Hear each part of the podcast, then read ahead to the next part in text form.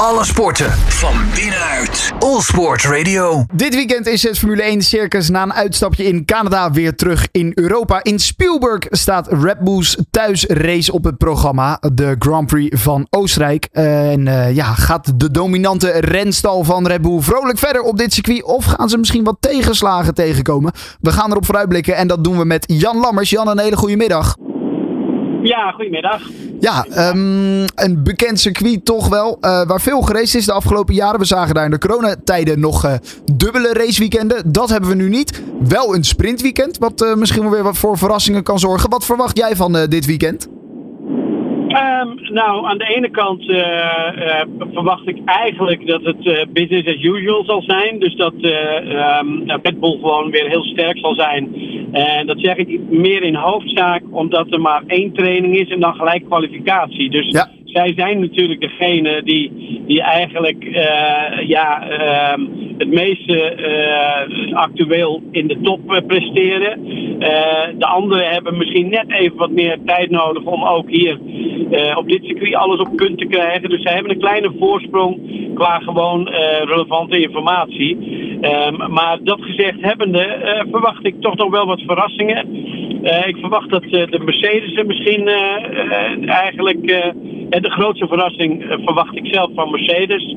En ja, los daarvan, we hebben al zoveel gekke dingen gezien van, van de Alpines en, en van de, de, de McLaren's, noem maar op dat, dat, uh, het kan heel gek gaan. En, en onderschat Ferrari ook niet. Dus ik denk dit, dat, dat dit een van de meest onvoorspelbare weekenden gaat zijn. Ja, nou ja, Ferrari won hem natuurlijk vorig jaar met uh, Charles Leclerc. Dus ja, misschien ook wel een kanshebber. Absoluut, absoluut. Hè. Maar uh, ja, Red Bull heeft natuurlijk de beste track record. Maar voor die tijd was dat natuurlijk Mercedes. En, en uh, ja, historisch gezien ook Ferrari. Dus het, het, uh, en als we daarna gewoon Aston Martin en Alpine nemen, die, die toch ook steeds sterker worden. En wat ik net al zei, McLaren ook niet te onderschatten, zeker in de kwalificatie. De race zal het een ander verhaal zijn.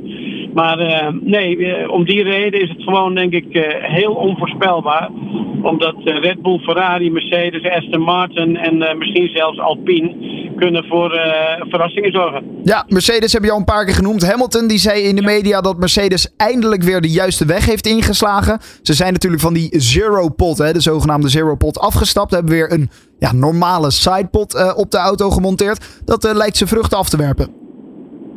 Ja, absoluut. Maar uh, uh, ik denk dat, dat we ook kunnen zeggen dat uh, Hamilton ook weer de weg gevonden heeft. Hm. want we hebben natuurlijk gezien dat Russell vanaf het eerste moment dat hij bij Mercedes eerst inviel voor Hamilton en na de hand gewoon het van Bottas overnam. Ja, Russell die, die was natuurlijk iemand die een aanval op de troon deed bij Hamilton. en, en ja, dat kostte Hamilton toch even tijd om daar aan te wennen. Ik denk in eerste plaats, hij moest eraan wennen dat hij natuurlijk niet meer echt meedeed voor de prijzen. En dan heb je ook nog zo'n zo'n zo'n jonge enthousiaste hond als, uh, als een uh, Russell die het daar super doet. Maar wat we nu zien is gewoon weer de Hamilton die zijn zeven wereldkampioenschappen binnengehaald heeft. En die in de Formule 2 en de Formule 3 ook heel bijzonder reed. Dus, dus dit is weer de wereldkampioen Hamilton die we zien functioneren. Hij zit lekker in zijn vel. En, uh, en hij lijkt Russell er weer onder te hebben. En dat vind ik heel knap en daar heb ik veel respect voor. Want, want uh, dat, dat, uh, die veerkracht, dat is altijd fantastisch om in een sportman te zien. Ja, zeker. Uh, Spielberg, het, het, circuit eventjes. Hè. Het is een circuit met maar 10 bochten. Veel lange rechte stukken. Hoe moet je je auto op zo'n circuit afstellen? Want ja, aan de ene kant wil je heel weinig downforce, omdat er lange rechte stukken zijn. Maar daarnaast sector 3, dat, dat, is, dat, dat is een sector met, met veel bochten. Je moet hard kunnen remmen. Hoe moet je je auto afstellen op zo'n circuit? Nou, het is, het is wel een, een heel uh, specifiek, uh, het is een circuit wat hele specifieke dingen wel vereist. want je hebt bochten waar je ofwel hard moet remmen, en, maar het zijn veelal 90 graden bochten. Ja. dus, dus na het remmen wil je wel dat, dat als je instuurt, dat de auto er ook feilloos reageert. Want als jij na het remmen instuurt en, en dat, dat reageert even niet zo, zo snel als je dat wil, ja, dan, dan, dan ben je eigenlijk al geklopt. Want dan kun je ook uh, de snelheid die je hebt niet goed vasthouden. En dan moet je met het accelereren te veel energie terugwinnen. En dan eh, verlies je het gewoon ten opzichte van degene die wel een hele scherpe uh, turn-in hebben, zoals ze dat dan noemen. Uh, dus dat, dat geldt bij een heleboel. Dat geldt bij bocht 1, 2, 3. Dan krijgen we even die, die wat vloeiendere sectie van die snelle bochten. Nou, dat is dan nog wel een beetje te vergelijken met, met andere snelle circuits. Maar dan die laatste twee bochten voordat je weer over start-finish gaat. Dat zijn ook twee bochten waar, waar gewoon de auto niet alleen onmiddellijk moet reageren bij het insturen, maar hij moet ook heel snel settelen. dus als je instuurt, moet je niet uh, ook nog een follow-up beweging hebben. dat, dat als je instuurt, moet je niet nog heel even tegen hoeven te sturen voordat je weer in kan sturen. Dat moet er in één keer staan. dus, dus je hebt wel een hele uh, specifieke uh, setup nodig. Velen hebben hier natuurlijk ervaring, dus die, die zullen dat allemaal wel weten. Maar dat is dus specifiek Spielberg. Ja, zeker. Uh, interessant circuit dus in dat opzicht. Ook om een uh, afstelling voor je auto te moeten maken. En dat moeten ze in één vrije training gaan doen. Want zoals gezegd, het is een sprintweekend. En dat betekent dat er op uh, vrijdag ja, aan het einde van de middag al wordt gekwalificeerd voor de sprintrace op zaterdag ja. natuurlijk ook.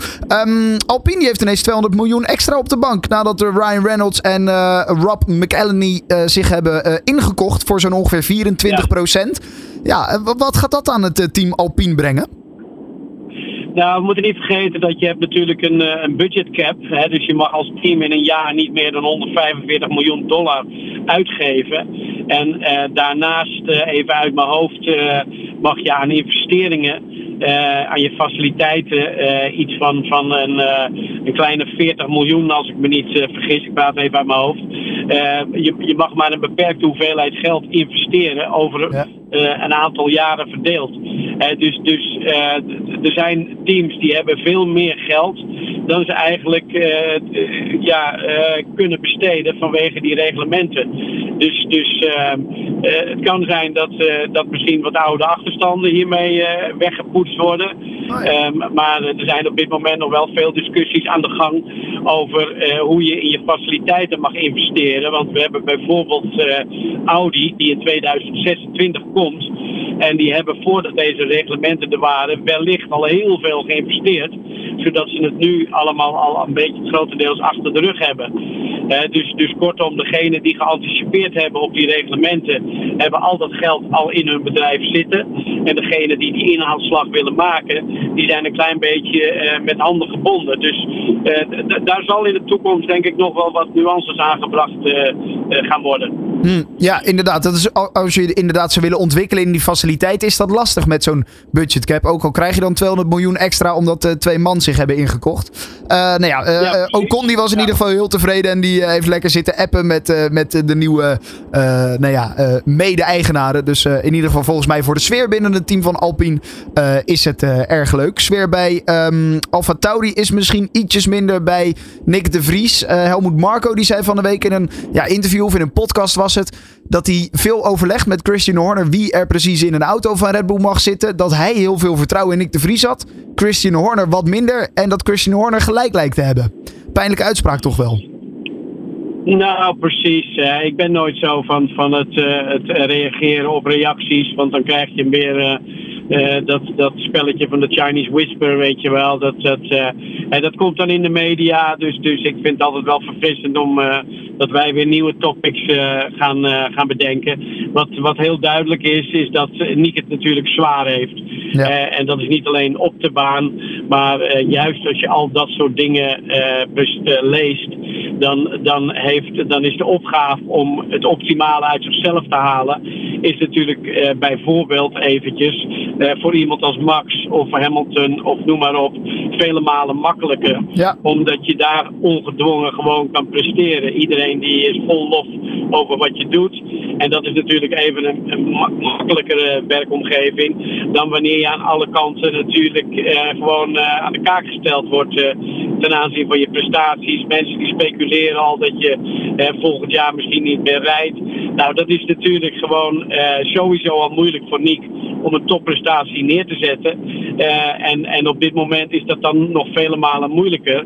Eh, dat gezegd hebbende, ben ik niet zo iemand die eh, stress en, en, en eh, afleiding als, een, als een excuus acceptabel vindt. Want ik vind gewoon dat als je in de toparena of in de arena van de topsport stapt, dan moet je daar tegen opgewassen zijn. Dan moet je gek zijn op druk. Dan moet je om kunnen gaan met kritieken. Eh, dat, dat, dat moet je als topsporter gewoon kunnen. Maar dat wil niet zeggen dat het natuurlijk heel makkelijk is. Nee, zeker niet. Nou, en volgens mij is Nick de Vries, die is het daar volgens mij volledig mee eens. Want die zei ook in de interviews met Viaplay onder andere... Ja, dit hoort erbij, dat weet je. Ik ben een volwassen man, ik eh, kan hier wel mee omgaan. Dus volgens mij eh, zi- zit hij er hetzelfde in als, als jou. Hoe, hoe, doet hij, hoe zou die Alfa Tauri het kunnen doen op dit circuit? Ehm, want ja, daar kunnen we ook gewoon eerlijk over zijn. De auto is natuurlijk ook niet zo goed als dat die, nou ja, misschien twee jaar geleden was. Nou, dat, dat hij, hij is veel beter dan eh, het aan het eh, bi- eh, begin van het seizoen leek. Want toen dachten we even, nou, dat wordt stijf achteraan rijden. Maar althans, dat dacht ik in ieder geval. Maar ze, ze- doen het toch goed. Ze hebben lichtpuntjes laten zien op verschillende circuits. dat ze toch ook in die top 10 in die Q3 mee kunnen draaien. En, en ook in de race. Hè, met name Yuki Tsunoda heeft hele mooie dingen laten zien. Ja. Dus, dus ze zijn zeker niet kansloos. Eh, alleen wat, wat, eh, wat, wat hier wel eh, eh, best moeilijk eh, gaat zijn, of, of het vraagstuk gaat zijn, laat ik dat zeggen. eh, wat, wat brengen verschillende updates? Kijk, wij horen altijd over updates. Hè, van nou, iedere, iedere keer eh, krijg je weer updates. Nou, wij kennen die updates wel van onze mobiele telefoon of de software op de computer. Heb je weer een update en dan is het iedere keer beter. Maar dat is dus wel een misverstand in die eh, huidige Formule 1. Omdat updates, die, die kunnen vaak specifiek zijn voor een circuit.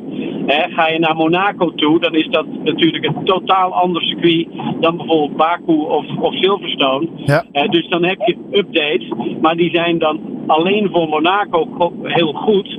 Maar die updates gaan na Monaco er bijvoorbeeld weer af om voor andere eh, onderdelen plaats te maken. Dus eh, de updates die, die sommige teams hebben, zijn vaak specifiek voor dit circuit. En daar moet je je van gaan afvragen wie heeft dat goed ingeschat. En in het kader van die ene vrije training en dan gelijk de kwalificatie eh, straks, is het denk ik belangrijk om te beseffen hoe belangrijk eh, het simwerk is. Hè? Dus het simulatiewerk wordt extra belangrijk naarmate je minder tijd op de baan hebt. Dus daar gaan we ook zien eh, wie zijn huiswerk goed gedaan heeft. Zeker. Eh, dan de laatste die ik nog even wil bespreken. Sergio Perez. Die eh, moest zich gisteren afmelden op de mediadag. Omdat hij nou ja, eh, ziek was. Zo hoorden we in ieder geval. Ik heb ook op dit moment nog geen signalen over het feit of hij wel of niet mee gaat doen aan die eerste vrije training. Die om ehm, twee uur vanmiddag wordt gehouden. Of om één uur moet ik zeggen. Dan wordt de eerste vrije training gereden. Ehm, wat, wat kan dat aan voorbereidingen doen als je ja, toch niet helemaal fit bent? Ehm, nou, eh, als je niet bij de persconferentie hoeft te zijn, dan eh, is dat best wel relaxed, denk ik. Dus dat zou het alleen maar. eh, want voor die mannen is dat altijd werk natuurlijk. En zeker denk dus ik op weet zo'n thuis hoe, Grand Prix. hoe, hoe ernstig het is. Ik denk dat het nog wel mee gaat vallen. En eh, wat, wat altijd wonderen doet, is eh, adrenaline. Eh, dat, de adrenaline die je voor een persconferentie nodig hebt, is niet heel natuurlijk. Maar als hij straks aan de training moet gaan beginnen, dan zal hij wel een stukje scherper zijn, verwacht ik. Zou hij niet expres gedaan hebben dat hij dacht, nou, ik heb er even geen zin in. Het is de thuis Grand Prix van Red Bull. Dan krijg ik al die vragen weer waarom het dit jaar misschien wat minder gaat. Ja, nou goed, eh, ik denk dat eh, de, de, mensen van de FIA, de FOM, eh, de organisatie, die zijn eh, denk ik ervaren genoeg om eh, schoolziek wel eh, te kunnen onderscheiden van echt ziek. Oké, oké. Nou, dan eh, kunnen we die van, het, van het lijstje halen. We gaan het allemaal meemaken, de Grand Prix van Oostenrijk. Dit weekend dus, zoals al gezegd, een sprintweekend. Betekent dat er vrijdag al gekwalificeerd gaat worden. Zaterdag de sprintrace. En dan zondag de echte race. Ehm, en de kwalificatie, dat is natuurlijk anders dan voorgaande jaren, is gewoon geldig voor die sprintrace. Dus de kwalificatie van vandaag is ook weer de startopstelling voor zondag. Ehm, dit weekend allemaal te zien bij Viaplay. Jan Lammers, eh, ik hoop dat het een eh, mooi weekend gaat worden. En eh, veel plezier met kijken dit weekend. Dankjewel. Ja, 70.000 Nederlanders zijn daar, hè, dus dat wordt een mooi weekend. Daarom, daarom. Dankjewel Jan. Alle sporten van binnenuit. All Sport Radio.